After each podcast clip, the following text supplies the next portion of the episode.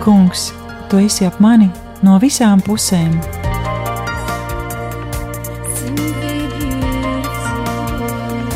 Neredzamā dieva attēls, raidījums par atgriešanos, atdošanu, dziedināšanu un kalpošanu.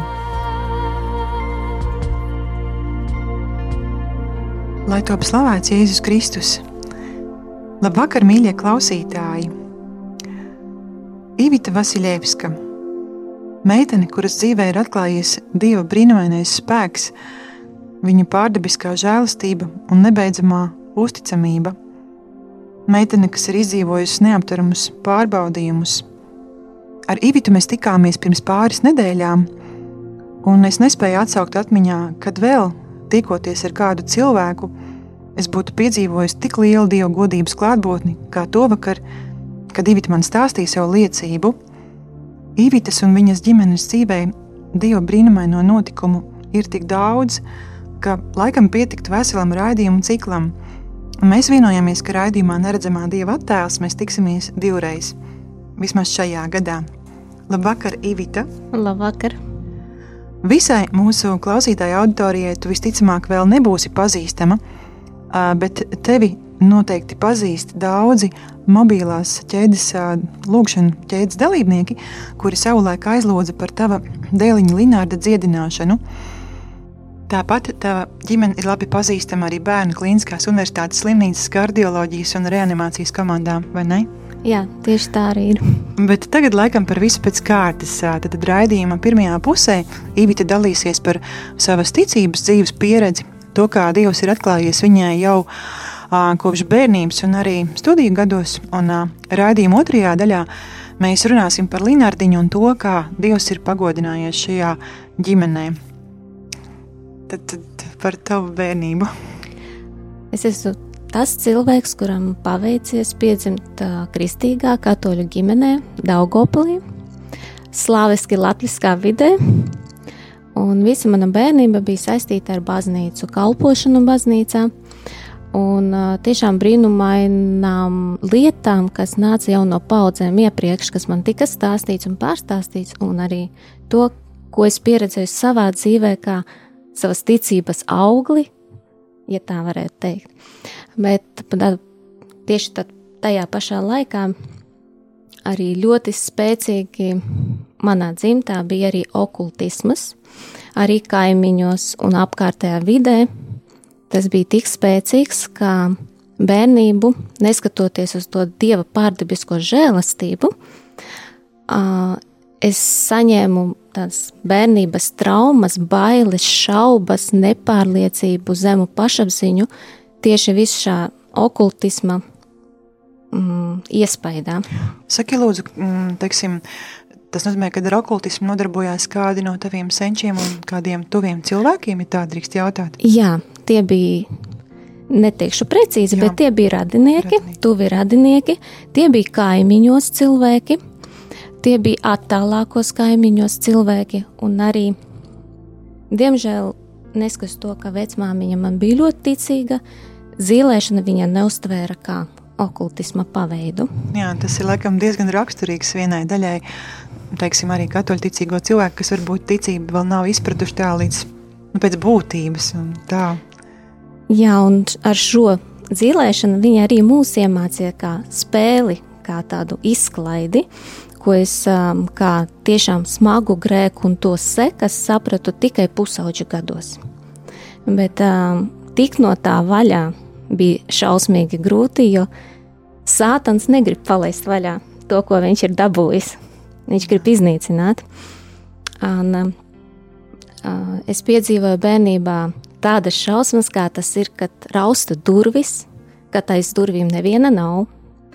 Kā tas ir, kad uh, tev kaut ko uzdāvina, bet uh, pēc tam tu saproti, ka tas nebija dāvināts ar mērķi tevi iepriecināt, bet nodarīt tev pāri. Jo pēc tā sākās visādas dīvainības, trauki paši nokrīt, uh, visādi trokšņi mājās, ieslēdzas magnetofons, kurš nemaz pie rozetes nav pieslēgts un sāk spēlēt.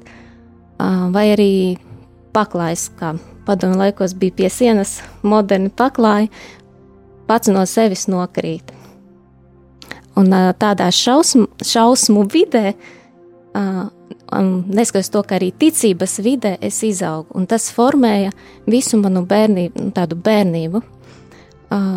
Es sāku baidīties, es ielaidu bailes sevi. Tas sekmēja to, ka man bija grūti runāt ar cilvēkiem, jo no katra cilvēka es tā kā vairs neusticējos viņam. Un tad, kad man jau bija gadi 14, mana mamma sāka saprast, ka tas nav normāli. Tā kā līdz tam visi šādi teiksim, brīnumi, mm -hmm. nedabiski, ka tas nav normāli. Vienīgi, ka tajā laikā baznīcā ļoti maz runāja par dievu, ka, dieva vārdu un bībeles lasīšanu, diemžēl. Un mēs to nezinājām. Tas nozīmē, ka jūsu ģimenē, protams, nepraktizēja sevišķi Nē, lasīšanu. Mēs praktizējām lūkšanas kopīgas vakaros, mēs gavējām, lielajā gavēnī neklausījāmies mūziku. Mm -hmm. Mūsu ticība nu, tā, vairāk uz tādu cilvēcisku apsvērumu bija balstījusies, bet ne uz Dieva vārdu.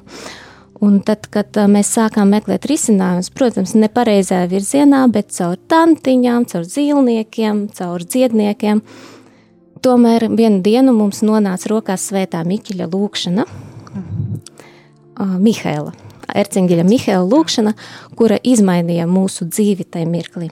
Tas nozīmē, ka pēc šīs lūkšanas, lūk, nolūkšanas, jā. Kaut kas mainījās. Mēs tā kā virzību tādu ieguvām no Dieva virzību, tad es paņēmu pirmo reizi mūžā bībeli rokās un sāku lasīt jauno derību.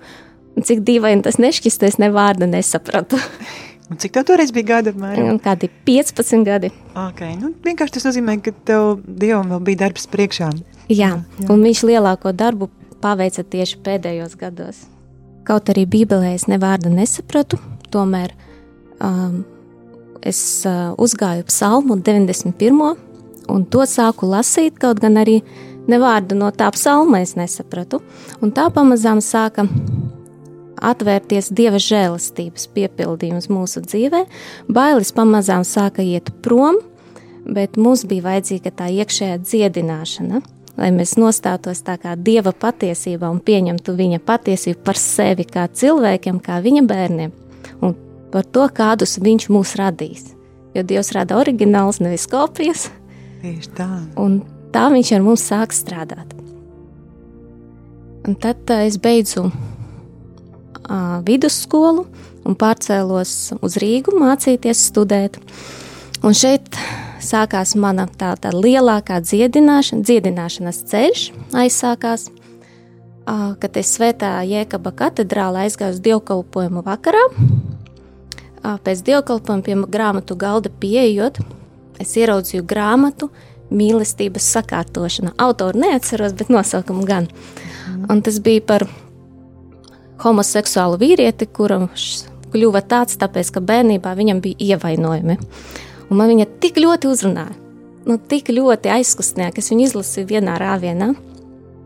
Un uh, beigās bija piezīme, ka ir tāds, tādas dzīvības traumas, iekšējās dziedināšanas programma.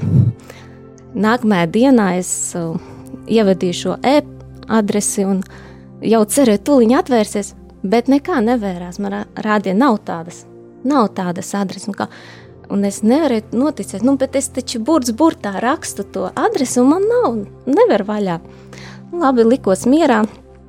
Un pēc pāris mēnešiem, pirms miega, es klausījos kristīgo rādio, un tur bija pārstāve no dzīves traumēm, Ilze. Un, uh, viņa tieši teica par to, ka sāksies jaunais dziedināš, iekšējais dziedināšanas cikls. Un tad es aizskrēju pēc zīmoļa, pierakstīju telefonu numuru, nākamajā dienā piezvanīju, pieteicos uz, tās, uz to programmu, un tur sākās tā īstā iekšējā dziedināšana. Kaut gan man bija tāds stāvoklis, ka atnākot uz turieni, es nevarēju pat pakustēties, ne parunāt, neko, bet maz pamazām Dievs ritināja vaļā to kamoliņu manī, un es sapratu, iemācījos, lūgties ar dieva vārdu, lasīt Bībeli un saprast. Lasīju garīgo literatūru no kristīgā veikala, man tas iemīļots veikals kļuva, Un, jo tajā literatūrā ļoti labi paskaidros tas dieva vārds. Un tā es viņu sāku pielietot savā dzīvē. Bailes aizgāja pamazām. Sāku, pat tad, kad viņas nāca virsū, es jau mācīju no viņām kā, atteikties, kā, novirzīt malā, ka viņas nav vajadzīgas, man nav jābaidās.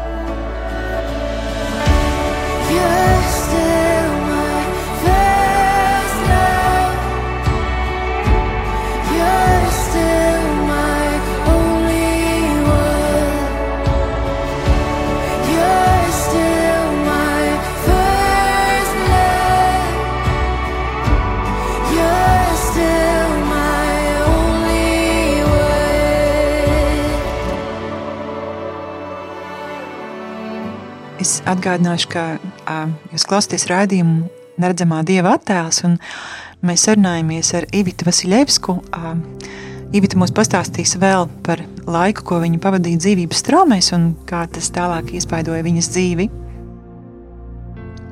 Dzīvības traumas es izgāju kādas piecas programmas. Piecas programmas? Jā.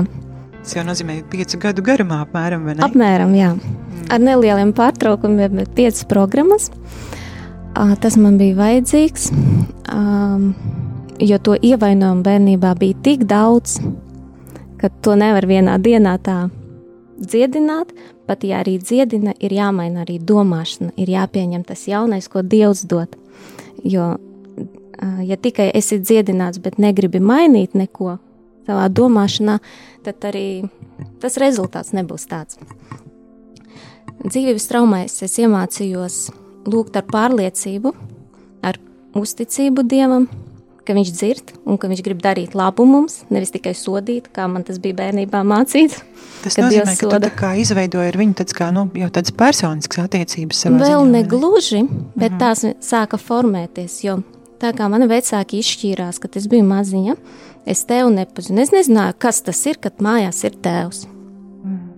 Un Dievs kā tēvs man bija nu, pilnīgi abstrakta lieta.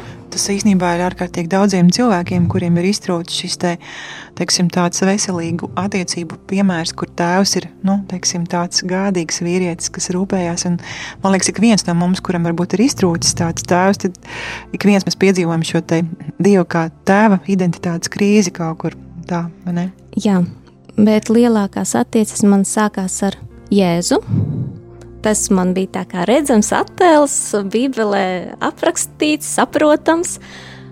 Te sāku veidot attiecības tā kā ar viņu, tad sāka pieslēgties svētais gars, kuru es tā kā sāku pieņemt. Un viņa atklāsme tagad, skatoties atpakaļ, es saprotu, ka no bērnības jau svētais gars darbojās mūsos, un viņš bieži vien vadīja, bet tajā visā atmosfērā, tajā audzināšanas metodē un savā pieredzē es to tā kā teicu, nu, kur es, ko es domāju, kaut kādām pasakām ticu, un tā nevar būt.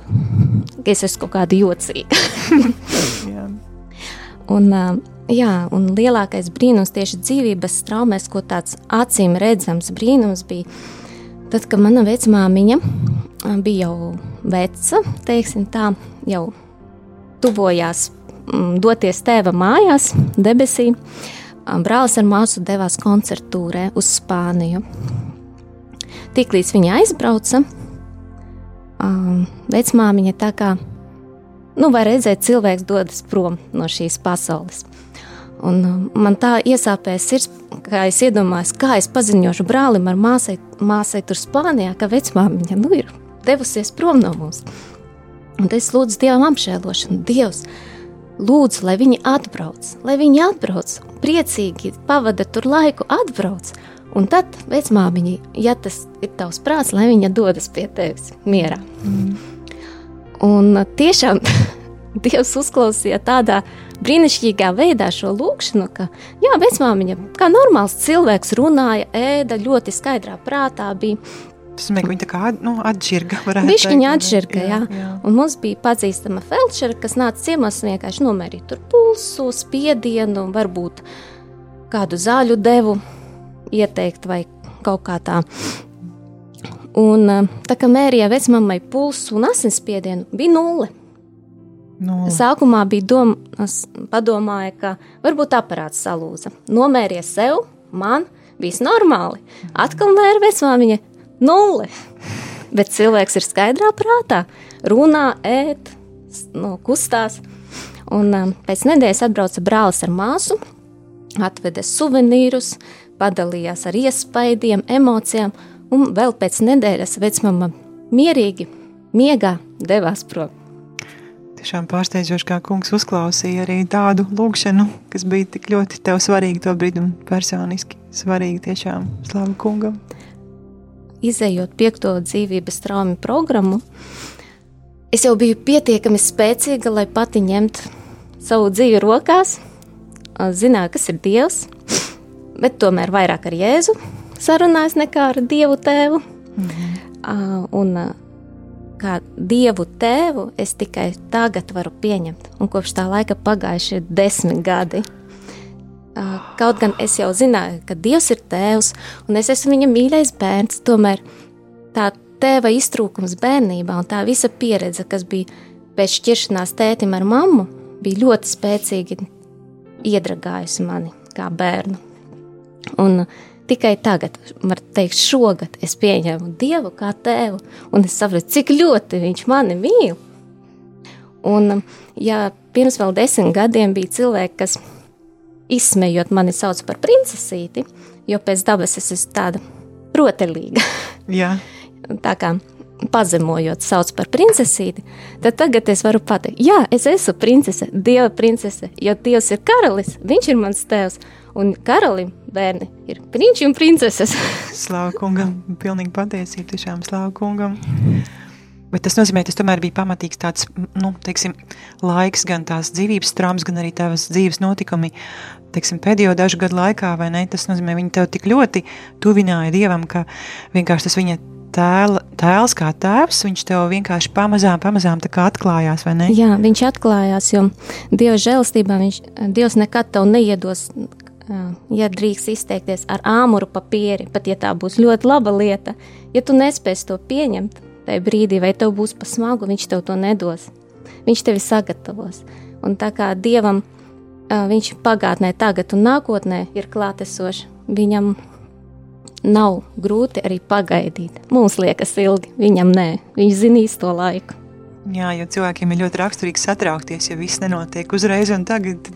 Dažkārt Tikai... mums apciemo tāds gars, kas mums liek domāt, ka viss ir slikti, bet es ceru, ka tavā gadījumā tev Nē, Nav tā. Ne, tieši tā. Es atceros, bērnībā es viņam biju dievam uzdevusi daudzus jautājumus.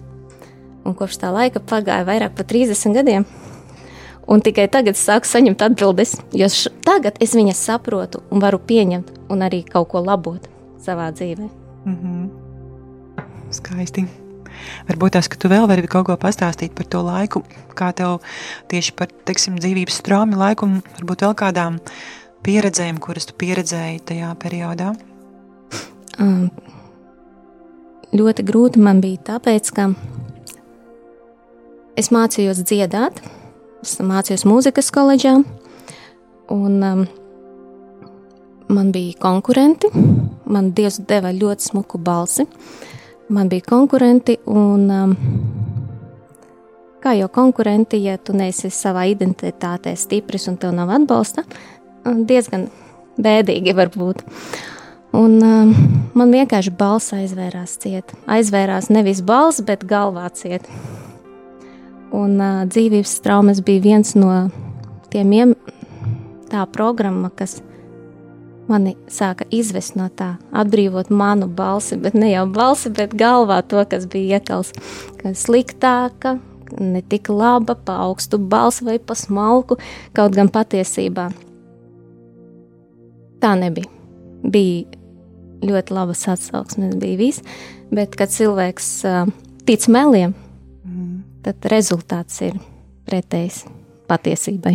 Jā, jau vienkārši tad sanāk, ka tas, kā, tu dari lietas ar tādu, nu, tādu kā paaugstinātu uztraukumu līmeni, kas kā, tomēr arī, nu, ietekmē, teiksim, tev, vismaz to tavu pašsajūtu tajā brīdī, vai ne? Nevar arī ar prieku to darīt. Jā, jā. Tad ar piepūli, spēku tā kā mēģini izdabāt visiem. Uh, nav vairs tās dvēseles iekšā tajā, ko tu dari.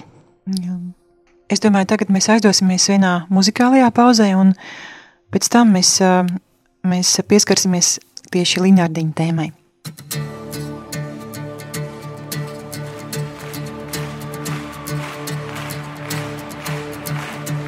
I was buried beneath my shame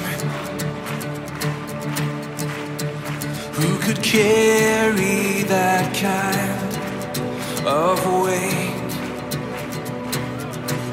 It was my turn till I made. I was breathing but not alive.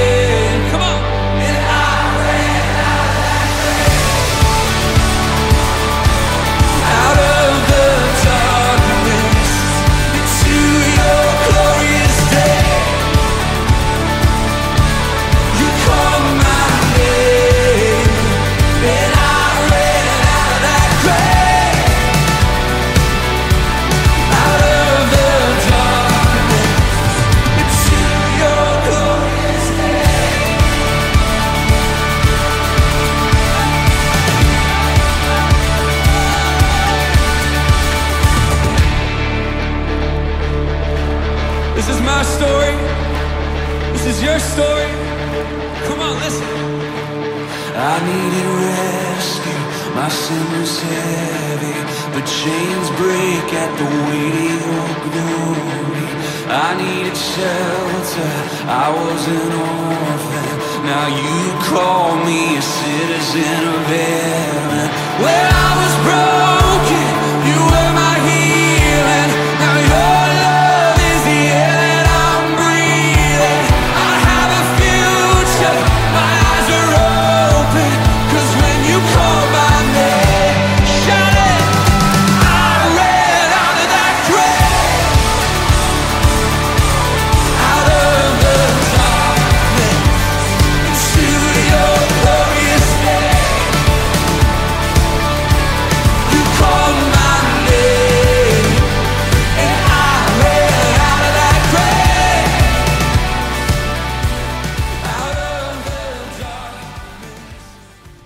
Atgādināšu, ka mēs klausāmies raidījumu Neredzamā dieva attēls. Un mans viesis šodien ir mana viesņa, ir Ivita Vasiljevska. Ivita, es tev palūgšu tagad pastāstīt tā, par savu ģimeni, pavisam īsi teiksim par to, kā, kā Dievs darbojās arī tavā ģimenē, tieši caur tava otrā dēliņa ienākšanu pasaulē. Dievs bija žēlīgs. Es ļoti. Dievs man uzdāvināja manu vīru, ja tā drīkst teikt. Uh, mēs ļoti. Mūsu kāzas bija arī dieva žēlastību piepildītas un brīnišķīgas, lielas, svinīgas kāzas ar visu uh, ceļojumu uz Krētu, uh, kur Dievs nosedza visus mūsu izdevumus tā, ka vēl palika pāri. Slākungam! Un mēs pirmo dēliņu sagaidījām tiešām ļoti lielā sirsnībā, mīlestībā, un um, visi bija priecīgi. Mēs, radinieki, draugi, paziņas. Savukārt ar otru dēliņu bija. Mm, viņš pieteicās, um, kā uzzinājām, ka mēs viņu gaidām februārī, 17. gada februārī. Un, um, un tas gads sākās ar tādiem garīgiem uzbrukumiem man, vēl pirms uh, iestājās grūtniecība um, problēmas darbā, problēmas ar radiniekiem. Un visu to grūtniecību man bija tāda sajūta, ka kaut kas nav labi. Es nezināju, kāpēc, bet tāds nemieris visu laiku bija iekšā. Un tieši tai grūtniecības sākumā ļoti tuvs cilvēks, radinieks, man nebija iespējas izvairīties no tikšanās ar viņu, bet katreiz, kad mēs tikāmies, viņš runāja tikai par nāvi, tikai nāves formā, un katrs tas vārds par nāvi bija tik negatīvs, ka es viņu fiziski varēju sajust, kā viņš man Bībelē rakstīts ugunīgas bultas un cauri sirdī duras. Un, protams, arī rezultātā, kad Pienāca vasara, ar prieku mēs devāmies uz sonogrāfiju. Mēs uzzināsim, būs brālītis, dēliņa, vecākajam puikam brālītis vai māsiņa, bet mēs saņēmām pavisam citu ziņu. Mēs saņēmām briesmīgu ko, ziņu, ko vecākie var saņemt, ka pavisam nav kārtībā ar sirsniņu. Nākamajā dienā mūsu sonogrāfa nosūtīja uz bērnu klīnisko slimnīcu pie kardiologa kur aizdomas apstiprinājās, ka bērniņam ir kreisā sirds hipoplāzija un mm, ļoti smagā formā. Ko tas nozīmē praktiski? Um, es neesmu mediķis, bet um, to, kā mums izskaidro, ka viņam nav kreisā kambara. Tā spēcīgākā sirds kambara. Tas, kas ir vadošais jā. kambars, tā kā jā. Nav. Ir kaut kāds māsmās aizmetnītis, ko nevar uzskatīt par kambari es no dzīves savas esmu dzirdējis tik daudz liecību un savā dzīvē pieredzējis, kā viņš man izdarīja. Es nevarēju noticēt, ka man būtu jātaisa aborts. Kaut gan to ļoti ieteica. Un arī apkārtējie cilvēki neuzspieda, bet es viņu domas sapratu, ka labākais veids būtu taisīt abortu. Bet es nevarēju iedomāt, lai es nogalinātu savu bērniņu Es zināju, ka dievam viss ir iespējams, un um, atnākot mājās, es paņēmu jēzus bildīti, pieliku sev pie vēdera un pateicu, Jēzu, tu paņem visas mūsu sērgas uz sevis, un tavās brūcēs mēs esam dziedināti. Amen. Un es uzticos tev. Un pēc tam es izlasīju vienā kristīgā grāmatā tādu frāzi, kas tā brīža sajūtas pilnīgi attaino, at, attaisnoja. Te grāmatā bija rakstīts tā, svētais gars tev saka, es lekšu, vai tu ar mani? Un tajā mirklī, kad es Jēzum to pateicu, es vienkārši pateicu svētam garam, es lekšu ar tevi šajā ceļojumā. Slava kungam! Un um, pēc pāris dienām man nopīkstēja telefons, es stāvēju pieturā, atnāca WhatsApp ziņa, bet ne jauna, ļoti veca WhatsApp ziņa no vienas manas draudzenes, kur bija uh, citāts, viens citāts no Marka evaņģēlija 5. Ej savās mājās un stāsti, kādas lielas lietas kungs tev darīs. Cik pravietiski. Un kā viņš par tevi apžēlojies. Un tajā mirklī es sapratu, ka Dievs ir apžēlojies un viss būs labi. Protams, kā cilvēkam man vajadzēja tam iziet cauri, jo tā informācija, kas nāca no apkārtējiem cilvēkiem, no poliklinikām, slimnīcām, tā, protams, iespaidoja mani. Un, um, Ko tev kardiologs teica? Tas nu, bērnu? Viņš teica, ka nu, viņš nu, kaut kādu nelielu cerību deva, bet kā. Nu... Uh, kardiologs uh, konstatēja to, ka viņam ir kreisā sirds hipoplāzija, paskaidroja, kas tas ir, Jā. kādas tam sekas, un ka tas ir ļoti, ļoti nopietni un varbūtībā nav tā labākā uz izdzīvošanu, bet tomēr mēs pieteicāmies uz um, tikšanos ar kardioķirurgu, kurš tā, šādus bērniņus uh, operē. -hmm. Un um, tai jau īsi pirms tam es aizgāju uz dzīvības straumēm, uz slavēšanas vakaru, kur visur, kur es nepaskatījos, bija rakstīts brīnumi notiek. Slavu kungam. Un um, tur man, uh, var teikt, es iepazinos ar mobilās draudzes vadītāju mobilās, Leontīnu. Lo, mobilās lūkšanu grupas, jā. kaut kā mobilās lūkšana ķēdes, jā. Jā, mhm, jā. Uh, vadītāju Leontīnu, slava Dievam par viņu. Viņa bija tas cilvēks, kas mani stiprināja. Jā. Un viņa man ieteica slavēt, slavēt tos ārstus, tos cilvēkus, ar kuriem man ir jātiekas. Uh, no Mūzus uh, grāmatas četriem nešaubos Ārona svētību, lai Dievs svētī, dot viņam mieru un tā tālāk. Un es svētīju pirms tikšanās uh, to ķirurgu un visus cilvēkus, kas tur būs apkārt ar viņu, varbūt viņam komanda, es nezināju. Mēs tiešām satikāmies, un tas cilvēks bija tik pozitīvs, tik viņš ar tādu mieru runāja, tas ķirurgs, ka man nebija bail viņam uzticēties. Jā. Viņš teica, ka iespēja vienmēr ir. Cik labi? Iespēja vienmēr ir. Un tā pamazām manī ienāca miers, kaut gan vienā mirklī es teicu Jēzum, ja nu tomēr tava griba ir savādāka, tad paņem bērniņu tagad pie sevis, nevis tad, kad viņš piedzims. Cilvēcīgi, kā jau mēs esam cilvēki. Bet tā nenotika. Un Dievs tik ļoti žēlīgs savā žēlsirdībā un mīlestībā pret mums, ka savu dēliņu mēs sagaidījām tik lielā priekā, mierā. Um, viņš um, dzemdības sākās no rīta, otrdienā, 24. oktobrī. Visu dienu bija, mēs smējāmies, Mēs jokojām ar vīru visu dienu. Vakarā viņš piedzima ar ķēzara griezienu. Un tad mums sākās tas lielais ceļojums un vislielākais ticības pārbaudījums. Um, pirmā operācija notika pēc nedēļas, tad es pirmo reizi ieraudzīju viņa atstiņas. Viņš bija nedaudz pavēris, jo līdz tam viņš gulēja morfīna ietekmē, cik es saprotu. Un Pēc operācijas bija krīze, pēc krīzes, krīze pēc krīzes. Tad viņam bija uzreiz jau pēc uh, piedzimšanas veica. Kā, pēc pirmās pēc, nedēļas pēc laikā. Nedēļas, mm. Tiklīdz viņu stāvokli daudz maz varēja nostabilizēt, viņam veica pirmo operāciju. Um, krīze pēc krīzes, jo tikai 5. decembrī, kad mums pasludināja pēc pēdējās krīzes, ka viss var nākt atvadīties, viņš nepakļaujas terapijai un medicīniski vairs neko nevar izdarīt. Mūs izsauc uz konsīleru, ka nu, jau radinieki var nākt atvadīties. mobilās lūkšanas ķēdi izsludināja kavēdi, un tajā mirklī es pieņēmu.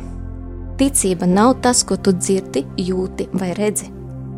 Ticība ir kaut kas vairāks. Tā ir pārliecība Dievā, ka to, ko viņš saka Bībelē, tā tas arī ir. Un es vairs nešaubīšos, viņš ir dziedināts. Un kopš tās reizes krīzes vairs neatkārtojas. Slavam mīļajam Dievam, slavam pateicību par šo brīnumaino liecību līdz šim brīdim. Es redzu, ka laiks tiešām ir aizskrējis vējas pārniem, un gribēju teikt uh, lielu paldies Ivitai par šo aizkustinošo liecību, un mēs ar nepacietību gaidīsim arī turpinājumu nākamajā reizē. Ar jums kopā bija raidījums Neredzamā Dieva attēls, un raidījumu vadīja Mārija Tirgēnsone. Lai svētīgs laiks! Visu labu! Kungs, tu esi ap mani! no visām pusēm.